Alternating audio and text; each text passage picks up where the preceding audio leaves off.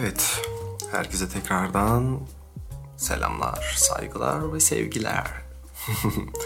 Ee, şimdi bugünkü bölümde e, birazcık hmm, şu font olaylarına ben girmek istedim.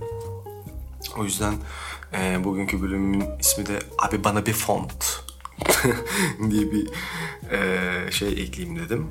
Başlık. Yani burada e, anlatmak istediğim şey birazcık e, hani fontların tüm böyle e, aile olarak hani tek tek sırayla hani e, bütün seceresini falan anlatmak değil onları e, ayrı bir şekilde anlatmak istedim. E, hatta şöyle bir şey de yapabilirim ileriki bölümlerde. E, birkaç haftada bir yani daha doğrusu birkaç bölümde bir e, atıyorum iki ya da üçlü bir font seçip ve bu fontları da hani kendi içerisinde aslında e, tasarımda rahat rahat kullanılabilir. E, işte tırnaklı, tırnaksız e, ve hani ekstra bir de ona uyumlu e, bambaşka bir font seçip bir aileden hani e, üçünü e, harmanlayacak şekilde ve uyum sağlayacak şekilde belki öyle hani fontları seçip o fontları hakkında size her defasında her bölümde belirli e, anlatımlar yapabilirim. Çünkü şu an e, yani fontların bütün geçmişinden bu zamana kadar olan yani o kadar çok font var ki e, renk gibi böyle yani acayip bir dünya. O yüzden hani çok uzar o konu. Şöyle bir genel e, eskilerden başlayıp bu e, yazı olayları, fontun e, çıkışı, hayatımızı girişi ve özellikle bu matbaa dönemiyle birlikte matbaanın ilk bulunması ve ilk basılan e, dönemlerinden birazcık bahsedip e, belirli bir tipografik e, maddeleri anlatıp hani bu programı öyle kapatmak istiyorum.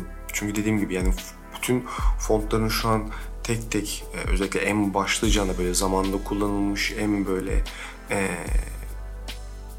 bilindik ve sağlam fontlarını mesela anlatmaya başladığımda iş çok uzayacak çünkü büyük bir tarihsel bir mesele var. Büyük bir ansiklopedi. O yüzden hani e, genel şöyle eskilerden bir başlayalım. Kökeninden girelim mevzuya. Niyetim o.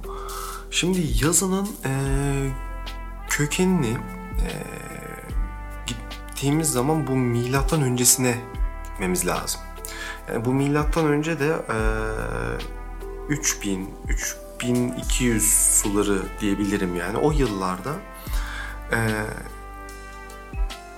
yani hatta öyle inanılmaz ki hakikaten milattan öncesine gitmemiz gerekiyor yani o kadar eski. E, çünkü şöyle bir şey var yani yazı öyle bir şey ki hani bu şimdi tamam tipografi e, yazı karakterleri hakkında konuşacağım ama bu yazı karakterinden önce bizim ilk ön, e, nasıl söyleyeyim yazıyı bir konuşmamız lazım. Yazının çıkışı, ilk yazı yazmalar yani e, dua yani biliyorsunuz hep belgesellerde, ansiklopedilerde de hep böyle görürüz. Yani yazı zaten kendi içerisinde yani öyle bir şey ki ilk belirli e, hayvan figürlerinden belirli insan figürleri çizimiyle başlayıp hem de böyle e, taşlara gerektiğinde hatta elle çizilmiş şeyler bunlar ve aslında bir yandan da ilk yazı dilimi bu. E, benim fikrimce. O yüzden ta böyle oralara kadar gitmemiz lazım. Ve milattan önce 3200 yıllarına kadar dayanan bir mevzu, mesele bu. Ve bu yazının e, anlamına geldiğimiz takdirde tamamen hani bir ölümsüzlük bana kalırsa. Başlı başına bir ölümsüzlük. Ve kendini farklı bir şekilde ifade etme şekli. Bütün biz insanların anlatım biçimi bir yandan da. Bana öyle hep gelir. Ve bilmiyorum baktığım zamanda da hep bu eski tarih kitaplarını falan yani gerçekten onu yazanlar aslında bir yandan da ölümsüzlüğün de keşfini bulmuş oluyor.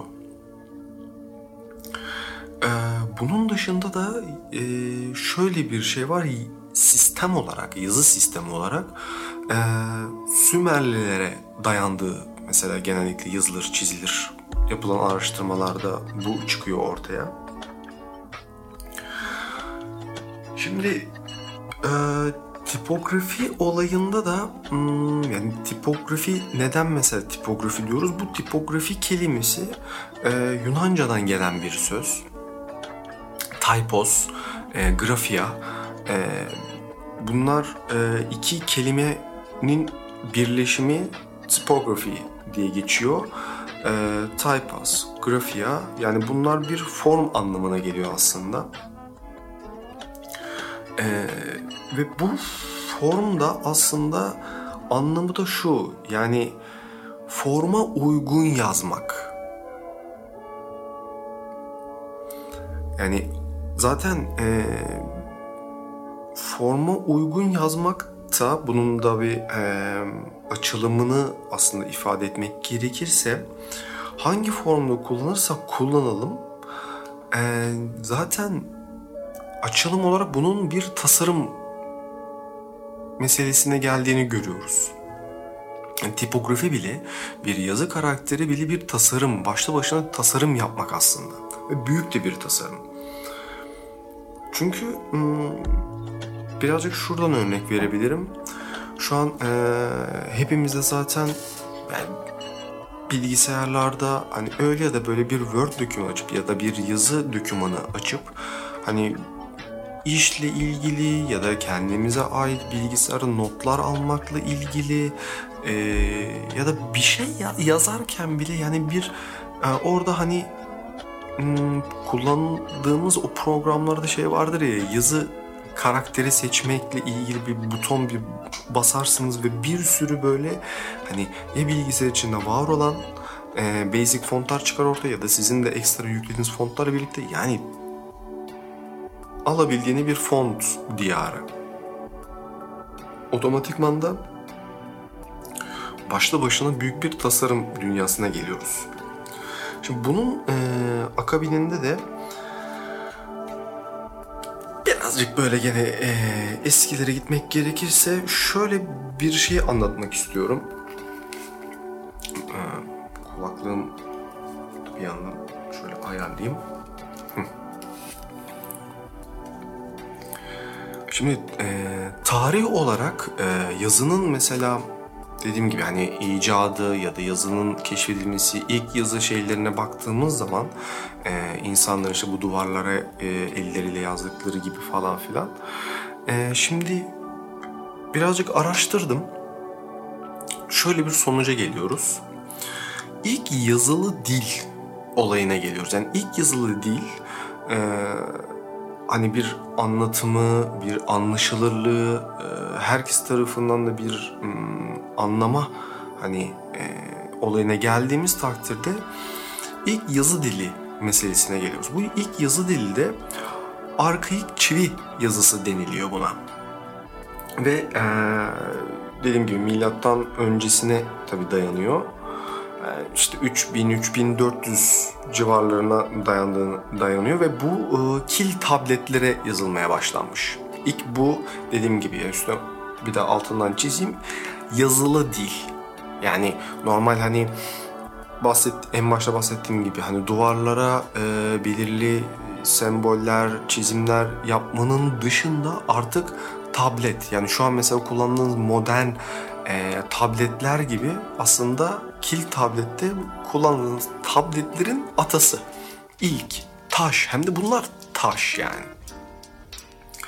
Taş tabletleri yazılıyormuş.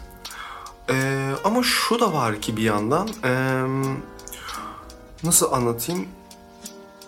İlk yazılı hikaye de yani bu bildiğiniz elle artık e, kalem falan hani yazılmış ilk hikayede Gılgamış destanı. Bunu, bunu da tarih yaptığım hani e, araştırmalara göre genellikle e, mi, gene milattan önce hani tam belirli bir tarih yok ama hani 2700 2000 e, tabii 2000'ler 2700'ler arasında falan geçiyor.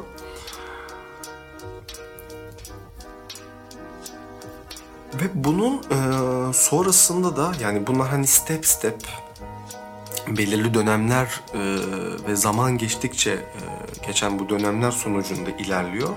Gene milattan önce de e, şöyle bir şey Çin'de ilk kağıt icat ediliniyor. İcadı bulunuyor. Ve bu e, kağıdın bulunması, kağıda artık yazılı bir şey başlamadan öncesine kadar da dediğimiz gibi yani bu e, arkaik çivi yazısı işte tab, e, kil tabletleri yazılma meselesi aynı zamanda kil tabletlerin dışında da kemikler, efendim kabuk, e, tahtalar, e, bir de e, ipeklerin üzerine yazılırmış. Yani kil tabletlerin dışında. Sonrasında işte kağıt bulunuyor ve serüven aslında yavaş yavaş başlıyor. Yani bu e, hani diyeceksin şimdi tipografiyle ne alakası var ama hani bu aslında en baş temel. Hani bunu söylemeden e, olmaz diye düşünüyorum ya da buna bunları bilgilendirmeden anlatmadan olmaz diye düşünüyorum. Buradan evrimi geliyor aslında tipografinin, yazımın, yazılı olayın. Yani düşünsenize taşlardan, e, kayalardan, işte ipeklere çizilmiş, tahtalara çizilmiş. Sonrasında Çin'de kağıdın keşfi, keşfiyle, bulunmasıyla ki hani e, bununla ilgili bile hani kağıdın keşfiyle ayrı bir e, podcast yapılabilir. Yani aslında yapsam güzel olur. Şu an aklıma geldi. Çünkü onun yani, tarihi bile acayip değişik olaylar var kağıtla ilgili. Yani küçük bir dipnot vermek gerekirse tamam Çin'de e, bir adam bunu buluyor. Ama bulduktan sonra da e, Çin'e açılan bir savaş sonrası orada kağıtın keşfedildiğini görüyorlar ve oradan e, yanlış hatırlamıyorsam e, bunu tekrar hani şey yaparım bir teyit ederim daha detaylı bununla ilgili podcast yaptığımda da anlatırım zaten. İşte galiba Araplara falan geliyor. Oradan e, Avrupa tarafına geçiyor. Yani ve bunlar hep savaş yoluyla e, bulunup hani birbirine aktarılmış şeyler yani enteresan bir şekilde. Neyse fazla uzatmayayım. Devam edelim. Ee, dediğim gibi bu yani kağıdın icadı bile ayrı başına bir podcast. Bunu e, ayrı bir şekilde yaparım yani iyicene detaylandırıp. Ee, bilinen şimdi e, kesin bir tarih olmamasına rağmen Şimdi milattan sonra e, 600 ya da 900'lü yılların arasında bu Çin'de el yazısıyla yazılmış bir nevi ilk matbaa diyebiliriz. Yani benim hani fikrim, düşüncem, kendim düşüncem, fikrim o. Ee, tam matbaa değil ama yani el yazısıyla yazılmış ilk kitap basılıyor. Şimdi normal bir aletten geçen hani kağıda koyup işte e, harfler tak tak tak basılıp böyle hani e, bir kitap elde edilmiyor. Elle yazılmasının olayı şey şu e, keşfedilmiş bu kağıtta normal elle yazı yazılıyor. Ve tabii e, kağıtta öyle bir e, ölçümler yapılıyor ki e, bunu akordiyon gibi katlanma meselesi yapılıyor. E, ve ilk kitap elde ediliyor. İlk kitap basılıyor böyle. E, düşünsenize bir kağıtı var. Yazı yazıyorsunuz ve bunu akordiyon gibi e, birbirine katlayıp bunu dışarı kitap olarak veriyorsunuz ve okutuyorsunuz. Ve bu aslında çok e, uzun bir mesaili bir sistem. Nedenini de dediğim gibi yani akordeon stilinde yapıldığından dolayı ve akordeon stili dışında da e, o zamanın şartlarında şöyle bir şey yapılıyor mu, yapılıyormuş. Bir sürü insan e, yani e, memur gibi diyeyim bir devlet şeyinde ya da bir bankada böyle çalışan gibi ya da bizim bu işte basılı yayında böyle yan yana masalarda oturduğumuz sistem gibi bir sürü insan oturuyor ve yazılmış hani bir kitap kitabı bütün herkes ayrı ayrı tek başına başından sonuna kadar yazıyor ve böyle çoğaltılıyor kitap. Misal yani 10 kişi, 20 kişi, belki de 50 kişi, 100 kişi. Yani sayısını tam şu an bilmiyorum. Hani siz e, aklınızdan geçirin. Şerbetinize göre 50 kişi diyelim. 50 kişi yan yanaya koyuyorlar. Yazılmış bir tane kitabı veriyorlar. Bunu çoğaltın diyorlar. E çoğaltmak nedir? Dediğim gibi milattan sonrası yani 600-900'lü yıllar daha hala e, matbaa aleti yok ve otomatikman manuel yani elle yazılan e, bir kitaptan bahsediyorum. Böyle çoğaltılıyor ve o yüzden e, kendi düşüncem, fikrim ve tabirim o. Yani ilk matbaa dediğim şey benim bu aslında. Tabi e, sonrasında e, gene evriliyor, zaman geçiyor ve ilk hareketli tıp baskı yöntemine geçiliyor e, uzun bir zaman sonrasında. Artık o da yanlış hatırlamıyorsam binli yıllara geliyoruz. Yani 1300-1400'lü yıllara geliyoruz. E, zaten orada da e, Gutenberg tarafından işte ilk bu e, hareketli baskı tip yönteme geçildiği vakit artık hani matbaanın buluşumuyla falan ve sonrasında zaten devam ediyor. Bununla ilgili zaten küçük bir bilgim daha var. Hani onu da zaten söyleyeceğim. Onun dışında ee, devam edecek olursak Hatta Gutenberg demişken devam edelim o zaman hani e, hiç diğer şeyi geçmeden şöyle devam edelim. Şimdi tipografide zaten en önemli şey aslında en önemli mesele duyguyu aktarabilmek. Yani zaten hani ilk yazılan bu hikayede bu Gılgamış, Gılgamış destanı da mesela öyle ve e, o zamandan bu zamana, bu zamana kadar yazılan bütün her şeyde hep mutlaka bir duygu hissi vardır. Ve duygu hissi olmalı da. Neden? Bunu yazan zaten insan.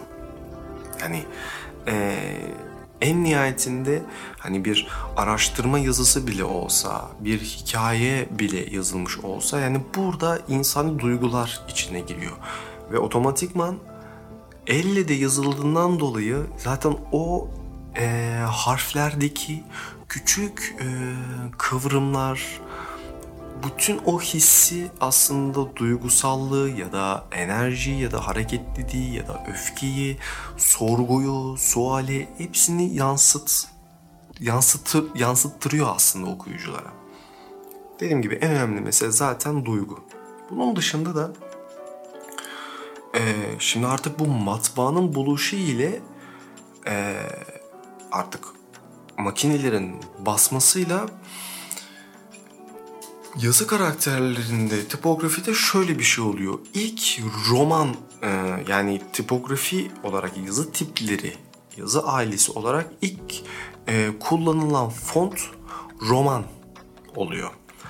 E, bu roman da işte Gutenberg tarafından 1455 diye hatırlıyorum. 1455'te e, basılan ilk kitaplarda kullanılmış bu roman harfleri. Ve sonrasında tabii e, evri gene evrilişiyor, evrimleşiliyor. E, bir sürü e, çok başarılı, e, birbirinden çok hakikaten mükemmel e, tipografik e, harf sanatçıları gün yüzüne çıkıyor ve e, yani işte yani Helvatikalar, işte Baskerville'ler, işte Times New romanlar gibi gibi ki bunların çok daha önce e, yani tarihi eski eski eski tarihlerde çok yapılmış bir sürü e, font ailesi var. Dediğim gibi bunları ayrı bir şekilde zaten hani e, anlatırım belirli böyle programlar yapıp e, detaylı bir şekilde. Ama benim şu ilgincime mesela çok çekmişti. Hiç mesela şunu fark ettiniz mi? Atıyorum.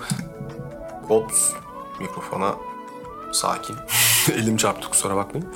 Şöyle mesela ee, herhangi bir şey yazıyorsunuz. Belirli bir kendiniz font seçiyorsunuz böyle. Ee, işte tırnakla ya da tırnaksız şerbetinize göre. Şunu hiç mesela düşündünüz mü? Orada italik diye bir şey var. Harfleri, harfler böyle, kelimeler bir anda fıt yatay hale geliyor böyle. Hani neden italik diye bir şey var? Hiç bunu mesela sorguladınız mı ya da düşündünüz mü ya da araştırdınız mı bilmiyorum. Ee, ben bunu ilk e, öğrendiğim zaman çok şaşırmıştım. Özellikle böyle e, 18-19 yaşımdayken falan ilk böyle hani yavaş yavaş böyle tasarım e, öğrenmeye ve iş olarak e, ofiste çalıştığım zamanlarda hani hep böyle şey bakıyordum. Ya hani yazı yazılıyor eyvallah hani başlık, spotu işte ana yazısı falan var ama neden bazen böyle yatay bir seçiliyor yazı? Hani İtalya'ya basıyor oradan yatay bir hale getiriyor falan. Hani acaba hani bir şey göstermek için mi falan filan hani nedendir bu falan diye sorgulamıştım. Ve e, ta o zamanlar şunu öğrendiydim. E, tamam hani görünüm olarak tabii ki belirli esprisi var, belirli bir kullanım şartları var ya da kuralları var bunun. Ama e, yani italik formunun yani o kullanımın aslında e, bu ilk bu işte mürekkepli matbaalar falan çıktığı vakit kağıttaki yazıların ve e, matbaaların mürekkep tasarrufunu çok iyi sağladığından dolayı italik yapılmış. Ve bunu kim yapmış? Adı üstünde İtalyalılar. Hani İtalya tarafından çıkıyor bu italik meselesi ilk. Bu bu bilgi benim mesela çok ilgincime e, gelmişti. Böyle çok şaşırmıştım. Ya hakikaten mi ya falan dedim. Sonrasında birazcık daha araştırdım. Hakikaten e, ciddi ciddi e, matbaada kullanılan bu mürekkep için e, çok güzel bir tasarruf tasarruf yöntemi olduğu e, belirlenmiş. Yani bulunmuş, keşfedilmiş. Ve aynı zamanda da hani zaten yatay bir form olduğundan dolayı dolayısıyla birazcık da sanki birbirinin iç, e, harflerin arası hani atıyorum bir kelimeyi italik yaptığınızda yataya, yatay bir forma getirdiğinizde otomatikman e, harflerin arası hafif birbirine yaklaşıyor gibi bir hale geliyor. Otomatikman da kağıt tasarrufu yapıldığı da bulunmuş bunun. Neyse böyle küçük bir e, detay bilgi de vereyim yani. Onun dışında e, genel olarak şöyle bir şey söyleyebilirim bu tipografi ile ilgili. Şimdi yazı karakterleri daha doğrusu bu um, yani öyle bir sanatsal bir durumu var ki um, yani kendi içinde bir yaratıcılığı yani bir yani herhangi bir bir işte bir yazı yazdığınız zaman kullandığınız ya da kullanmak istediğiniz gözünüze hoş gelen bile olsa o font olayı yani e, öyle bir yaratıcılık, özgürleştiricilik bir his e, yaratıyor ki demin o yüzden söyledim. Yani tipografide en önemli mesele zaten duyguyu aktarabilmek. Yani siz bir yazıyı e, yazdığınızda ve bunu ifade etmeniz sizin zaten farkında olmadan seçtiğiniz fontla bitiyor iş. Ee, yani dediğim gibi bunu e, tekrar söylemem gerekirse yani ne olur bir bakın yani yazmak istediğiniz o şeyde font menüsüne geldiğiniz zaman bir sürü aşağıya doğru akan fontları göreceksiniz. Ve hani bu fontların hepsi zaten alabildiğini apayrı bir tarih. Yani ta, e, tarih önünüzde zaten ön, yani önünüze serilmiş oluyor resmen. E, bunun verdiği bir duygu yani bilmiyorum tarif edemiyorum pek. evet devam e, edecek olursam da hmm, şöyle söyleyeyim. Şimdi bu Times New romanlar işte zaten en çok Times New roman işte Ariel ki aralarında hakikaten değişik bir sürü fark var ki benim en çok e, sevdiğim e, fontlardan biri çok eski tarih e, tarihe dayanan bir fonttur. E, Baskerville e, ve hani ağırlıklı e, kitap basımında çok kullanılan bir font zamanında. Hala da gerçi kullanılıyor. Kullanılıyor değil ama artık hani bu e, fontun e, ve zamanında ilk yapılan e, çizilen bu fontların zaten artık daha günümüzde modern halleri olduğu için tabii birazcık evrimleştirdiler falan filan. Ondan sonra hani modern halleri de kullanıyor ama ben bu e, eski yapılan bu fontları kullanmayı gerçekten çok seviyorum. Yani bir anda zaten hani e, ne kadar yeni nesil bir e, enerjik bir tasarım yapsanız da kullandığınız fontlarla birlikte bir yerde böyle tarihi böyle eski bir font kullandığınızda, yapıştırdığınızda yani hakikaten anlatımı, görsel şöleni bir anda değişiyor ve o yüzden e, dediğim gibi yani bu Bas Be, Be, Baskerville e, ay konuşamadım kusura bakmayın. Baskerville fontunu kullanmayı ara ara çok severim yani. Her yerde yani kullanılmaz ama kul, e, öyle bir yerde e, tasarımınızda kullandığınız diğer fontlarla birlikte öyle bir e, yerde uyumlu kullandığınızda inanılmaz bir hoş bir hissiyat verir. Çok da rahat okutur kendini açıkçası. İşte Gil Sans'lar, dediğim gibi Helvatikalar, yani bunlar çok tarihi fontlar. Ee, yani Helvatika bile kendi içerisinde ya hani girmek istemiyorum pek bu konuya çünkü çok uzayacak. Ee, ama dediğim gibi yani belirli fontlar seçip bunları ayrı ayrı anlatmak istiyorum ama Helvatika hala günümüzde kullanılan e, inanılmaz bir font. Yani bütün afiş tasarımlarında, işte tabelalarda, efendim e, dergilerde, e, televizyonda, e, dijital platformda da çok kullanılan bir font. Neden? Çünkü düz bir font ve kendini çok iyi gösterip okutabilen bir font. Hani e, bunları ayrı ayrı anlatacağız. Sıkıntı sıkıntı olmasın. Onun dışında ee, fontların birazcık teknik olayına girersem şöyle anlatabilirim. Şimdi fontlar aslında kendi içerisinde hmm, genel olarak ikiye ayrılıyor. Ee, bunlar serifli ve sans olarak. E şimdi Bunları birazcık açmak gerekirse mesela e, serifli dediğimiz aslında tırnaklı font. Tırnaklı fonttan örnek vermek gerekirse demin de söylediğim gibi mesela Baskerville ya da Times New Roman diyebilirim. E, böyle harflerin böyle kenarlarında küçük böyle ince kıvrımlar olur. Böyle e, bir dekoratif böyle bir süs gibi falan düşünebilirsiniz onları. Eee Sans da bunun tabii ki tam tersi tırnaksız yani düz demin söylediğim Helvetica e, fontu gibi ya da e, meşhur Gotham diye bir font vardır. Böyle e, tamamen kendi içerisinde oval ama dümdüzdür. Yani hiçbir şekilde tırnak ya da o böyle süs gibi tarif edeyim hani o tür şeyleri yoktur. E, tırnaklı, tırnaksız, tırnaklı, serifli, tırnaksız sans diye geçiyor. Ama e, ekstradan tam şimdi bunun iki ana hani e, bölüm ama üçüncü bir bölüm daha var aslında. Bu üçüncü bölüm de e, yeni nesil aslında font diye tabir edebilirim. Slap diye geçiyor ismi. Yani Slap de aslında hem tırnaklı hem tırnaksız. Ama baktığınız zaman ne tırnaklı ne de tırnaksız gibi de gözükebilir. Çok değişik e, kendi içerisinde bir e, değişik bir birleşimi olan bir font bu.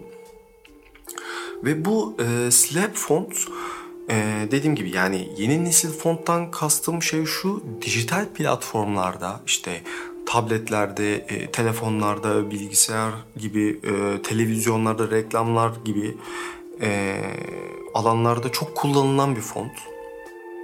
Ve hakikaten belirli bir e, büyüklükte kullandığınızda çok rahat bir şekilde kendini rahat okutup gösterebilen bir font. O yüzden dediğim gibi yani dijital platformlarda çok hani revaçta kullanılan bir font bu yani. yani. Onun dışında teknik olarak e, şunu söylemem gerekirse şimdi harf yani bu tipografide hizalama aslında çok önemli. Ee, genellikle 3 tip hizalama oluyor. sağa, sola ve ortaya. Ve onun dışında da e, zaten nasıl söyleyeyim? Hmm, ya bu bütün kullandığımız programlarda hani şey gibi düşünebilirsiniz. Yani soldan hani hizala, sağdan hizala ya da ortaya hizala gibi de, gibi zaten hani siz, hmm, hangi programınız kullanırsanız kullanın zaten o üç sekmeyi zaten direkt e, görecek görüyor olacaksınız yani hani. Şimdi bunun e, da akabininde hani e, şöyle küçük belirli tipografik e, teknikler var. Zaten bunları hani şimdi burada böyle birazcık anlatacağım ama dediğim gibi yani fontları tek tek böyle anlatmaya başladığım zaman hem atıyorum mesela e, Helvetica'yı anlatmaya başladığım zaman bunun tarihini, kullanım kullan ilk kullanıl kullanılan e, alanları, e, sonrasında e, nasıl evrilip başka ne gibi hangi platformlarda kullanıldığını anlatırken bir yandan da zaten hani e, belirli önemli teknik şeyleri de anlatacağım hepsini böyle detaylı detaylı. Çünkü her fontun ayrı bir kullanımı da var.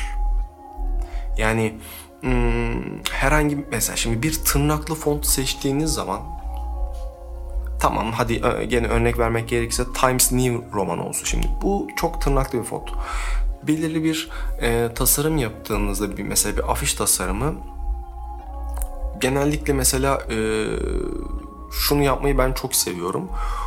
Atıyorum bir başlığımız var ve başlığın e, atıyorum misal 5 harfli ya da 8-7 harfli bir e, başlık olsun bu. Bir kelime olsun. E, kelimenin harf içindeki harflerin aralarını ben e, açmayı mesela çok severim hafif böyle büyütüp e, fontu ve aralarını da çok geniş tutar, tutarak böyle bir tasarım yapmayı mesela çok seviyorum. Ama bu çok mesela önemli. Niye önemli? Bunu mesela tırnaklı bir fontta yapmak e, okunurluk ve kendini göstermek bakımından birazcık risk risk taşıyor. O yüzden genellikle bunu yaparken düz yani sans bir tırnaksız bir font seçerek e, yapmam okunabilirlik bakımından, kendini gösterme bakımından ve e, genel yaptığınız tasarımla birlikte uyumu e, daha rahat e, oran orantı olarak da hoş duracağından dolayı sans bir fontla daha iyi olur. Tırnak, tırnaklı bir fontta sıkıntı yaratabiliyor. Göstermiyor olabilir. Ama tabii yani bu illaki tırnak bir font seçip aralarına böyle geniş geniş harflerin açıp böyle hani tabii ki okutulur. Tabii ki bu yapılır. Yapılmaz değil. Bu yaptığınız tasarıma bağlı ama genel olarak tırnaklı bir fontta yapmak e, birazcık risk taşır. Hani bunun gibi mesela e, her fontla ilgili belirli detaylar var ve o fontu anlattığım e, diğer podcastlerimde bunu konuşacağım, anlatmaya çalışacağım. Sadece belirli böyle e, tipik e, maddeler var. Onları bir anlatmak istiyorum sizlere. Mesela bir yazı dokümanında e, afiş tasarımı, işte bir dergi tasarımı e, ya da bir broşür, yani bu kart vizit için de geçerli ki bu e, hemen hemen dijital platform için de geçerli. Yani atıyorum bir döküman yani bir iş yapılıyorsa ağırlıklı yani op, optimum 3 e, yazı karakteri genellikle seçilmesi ideal oluyor. Tabii ki hani bunu 4, 5, 6 falan da yapabilirsiniz. Hatta 2 de yapabilirsiniz.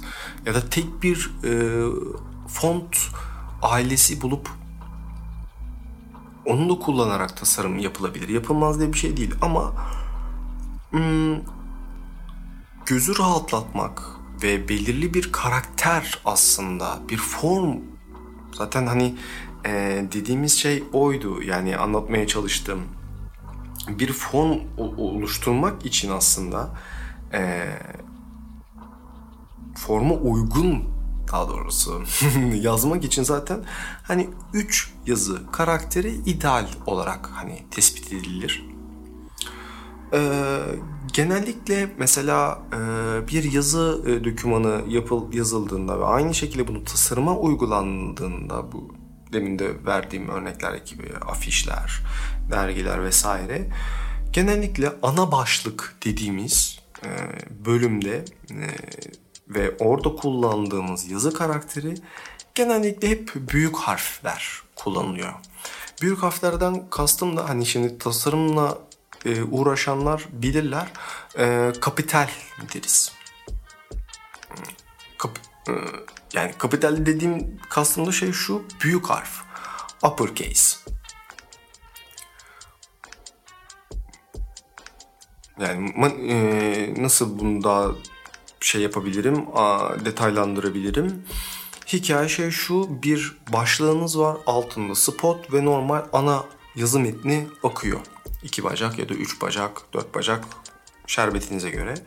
E şimdi orada tamam ee, gör, kullandığınız sayfadaki görsele göre ya da yapmak istediğiniz tasarıma göre tabii ki e, başlıkta hani normal normal hani e, ilk harfi büyük, diğerleri küçük de yapabilirsiniz. Sıkıntı sorun değil. Bu sizin e, yapmak istediğiniz tasarıma kullandığınız fonta, font ailesine birazcık tabii bağlı. Yap e, oluşturacağınız dediğim gibi karaktere bağlı bir şey. Ama hani genel olarak ben söylüyorum ideal olan e, genellikle sıklıkla kullanılan ana başlık fontu genellikle büyük harf olarak tasarlanılıyor. Eee Metin fontu olarak da genellikle tırnaklı bir font seçilir. Yani ana yazı metin fontundan bahsediyorum. Ee, genellik genel olarak tırnaklı bir font seçilir ama bu tırnaklı hani çok böyle e, ince değil ama çok kalın da değil. E, belirli bir e, hani biz buna genellikle m, text font ya da e, medium font diye tabir ediyoruz. Zaten e, kullandığınız font ailesinde yani onlar vardır. Atıyorum Minion diye bir font var ki çok sevdiğim bir font ve okunaklığı inanılmaz çok rahat bir font. E, Baskerville gibi e, modern olarak yani e, kitaplarda özellikle ben dediğim gibi yani dergilerde çok kullanırım. E, aralarını açsanız, hafif kıssanız bile yani belirli büyüklükte ya da küçüklükte çok rahat bir şekilde e, kendini gösterebilen, okutabilen, anlaşılabilirliği ve ne e, başka font kullanırsınız kullanın. Hani Minion gerçekten okunaklığıyla ve diğer fontlarla uyumuyla çok e, birleşimi birbirine kanaliz kanalizesi çok rahat bir font. Mesela Minion fontunun örnek vermem gerekirse ana metin fontunda hani büyüklük genellikle tamam hani kullandığınız şimdi e, tasarımda ve e, yapmış olduğunuz sayfa büyüklüğü hani atıyorum A4, A3, A5 hani neyse ölçünüz ona göre çok e, belirli değişkenliği oluyor ama hani optimal söylüyorum 8 ile 10 punto ideal bir ölçü. Ki bu e, yani kendiniz de internetten falan araştırdığınız vakit hemen hemen aynı sonuca denk gelirsiniz. Yani 8 ile 10 punto genellikle iyi bir aralık. Ha bunu 8.2 de yapabilirsiniz. İşte 9.1 de yapabilirsiniz. 8.5 işte ya da hani 9.8 de yapabilirsiniz. Bu sizin dediğim gibi e, sayfa büyüklüğünüz, kullandığınız diğer başlık, spot fontu, görselleriniz, çizginiz, yaptığınız karakterlerin hepsi bunun etki, etkidir yani. Hani kendi hepsi içinde bir birleşim bir havuz, bir bütün elmanın hani iki tamamı aslında yani. Hani. Onun dışında ee, tasarımda yani ana yazı metin fontu olsun, ee, spot başlık, e, ara spotlar, işte resim altları e, gibi yani önemli olan şey harf aralıkları. Çünkü bu harf aralıkları hmm, en başta demin de açıkçası söylediğim gibi yani şimdi bir afiş tasarlıyorsunuz ve tırnaklı bir font kullanıp harf aralığını kelimenin içindeki harflerin aralığı arasını çok açtığınız vakit sıkıntı olabiliyor. Ama aynı zamanda çok da e, birbirine harflerin yakın tuttuğunuzda garip bir etki çıkabiliyor. Yani önemli olan burada dengeyi, oran orantıyı çok iyi e, ayarlamanız gerekiyor. Önemli olan burada okun yani ok, okunabilirlik ve kullandığınız fontu tasarıma uygun şekilde ayarlamaya çalıştığınızdaki o espas aralığı çok önemli gerçekten.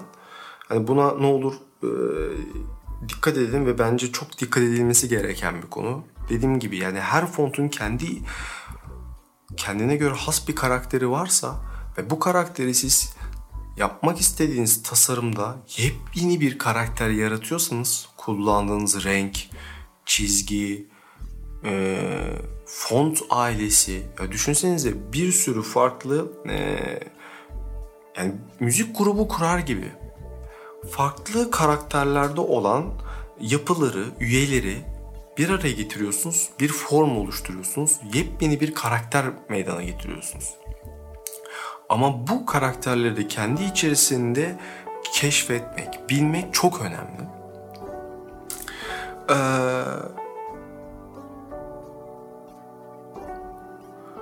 bas şöyle bir de e, şey diyebilirim küçük bir dipnot. Mesela tamam şimdi dijital platformda iş yapıldığı takdirde hani bunu tamam öyle de böyle hani bilgisayarda zaten görüyoruz. Ya da telefonu hemen atıp hani atıyorum Instagram ya da Facebook işte Twitter yani sosyal medya e, platformlarında zaten bir iş yapıyorsanız hani öyle ya da böyle zaten bilgisayar ekranında hani bir şekilde deneme yanılma yaparak bunun örneğini önünüzde tak diye görebiliyorsunuz. Ama işi basılı tarafa geldiğinde yani ee, dediğim gibi bu afiş olur, broşür olur, kartvizit olur, dergi olur, gazete olur, e, flyerlar olur, işte aklınıza başka ne geliyorsa. Yani şimdi basılı bir şey de olduğu zaman, yapacağınız zaman bu işi mutlaka ve mutlaka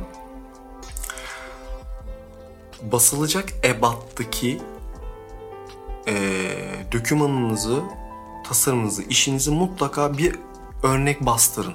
Elinizde bulunsun. Yani kullandığınız o fontlar, tipografik e, karakterler, kullandığınız e, punto yani yazı büyüklükleri, espaslar, e, yazı ara, araları, genişlikleri, darlıkları e, bunları mutlaka dediğim gibi yani basılı iş ise bu örnek al, al, almanızda çok büyük fayda var. E, ve e, şöyle söyleyebilirim kullanılan tasarımda çok kısa ve çok uzun e, satırlardan hani e, mümkün olduğunca hani minimalize edin tasarımcı olarak. E, genellikle zaten e, yani tasarımcılar ve yazı yani işlerinde çalışanların genellikle şöyle bir e, sıkıntı demeyeyim de hani e, şöyle bir e, tartışması bir e, beyin e, sohbeti gerçekleşiliyor. Siz bir tasarım yapıyorsunuz, e, yazı işlerinden bir yazı geliyor ve otomatikman yazı büyük geliyor. Ama sizin yapmış olduğunuz büyükten kastım uzun geliyor ve sizin yapmış olduğunuz tasarım aslında kısa ve öz kelimelerle kendini anlatacak bir tasarım. Fazla yazısı olmayan. Ama şimdi burada full tasarım değişim olayına kaçıyor. Yani burada önemli olan e, siz tasarımı yapıyorsanız ve yazıyı da e, yani tasarıma gelecek yazı yazı işleri tarafından birisinden geliyorsa çok iyi bir şekilde bir ekip, bir e, grup olarak konuşup bunun iyi bir şekilde tartışılıp plan program yapılması lazım. Atıyorum belirli bir konu vardır. Yazı işlerideki editörler falan der ki abi biz hemen hemen bu konu hakkında şu kadar vuruş yazı yazabiliriz. Ondan sonra hani çünkü konu uzun bir konu böyle böyle ama atıyorum ya diğer bir konu için fazla yazı olmaz. Hani e, ona göre istersen tasarımda ona göre ayarlayalım bizde falan filan gibi. Siz de tasarım otomatikman tık tık tık tık ona göre ayarlar. uzun metin gelecek olanları ona göre tasarımını yaparsınız. Kısa metin olan met, e, gelecek metinlerdeki tasarımı da ona göre ayarlarsınız. Yani sonuçta bu bir ekip işi. Siz nasıl dediğim gibi yani bir font ailesi seçip aileleri hatta seçip bunları bir araya getirip bir tasarım oluşturmak istiyorsanız bu sırf tabii tipografi dışında kullandığınız çizgiler, efendim e, tasarım öğeleri, e, kullandığınız renkler ve bunların her biri kendi başına ayrı ayrı karakterlere bir forma sahip olduğu için hepsini birleştirmek e, büyük bir e, aslında şey hani çok keyifli ama bir yandan da büyük de bir sorumluluk, büyük de bir sıkıntı. O yüzden belirli işte kurallar var ve bu kuralları da aslında kendi içerisinde çok iyi bir şekilde dengesini, oran orantısını, e, uyumlarını ayarladıktan sonra zaten çok güzel tasarımlar ortaya çıkıyor ve görüyoruz hepimiz birbirimizin işlerini ya da başka kişilerin tasarımcıların yaptığı işleri gıpta ediyoruz ya da bazen hatalarını buluyoruz. Diyoruz ki kendi içimize aa bak bu bunu böyle yapmış ben onu öyle yapmam da böyle yaparım gibi gibi de şey oluyor böyle. Sonuçta bir yandan hani deneme yanılma olayı. yani e, tipografi ile ilgili anlatacağım şeyler hani giriş diyebiliriz buna aslında. Dediğim gibi e, bu yazı karakterleri, tipografi ile ilgili sonraki bölümlerde ben öyle bir şey yapabilirim. İyi de olur diye düşünüyorum.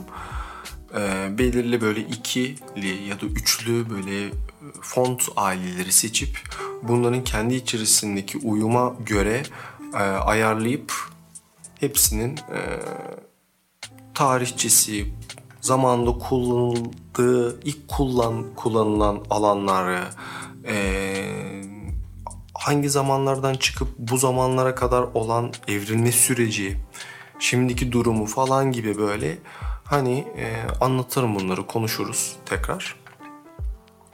O zaman şimdilik benden bu kadar olsun. e, şimdiden hani dinleyen herkese sonsuz teşekkürler.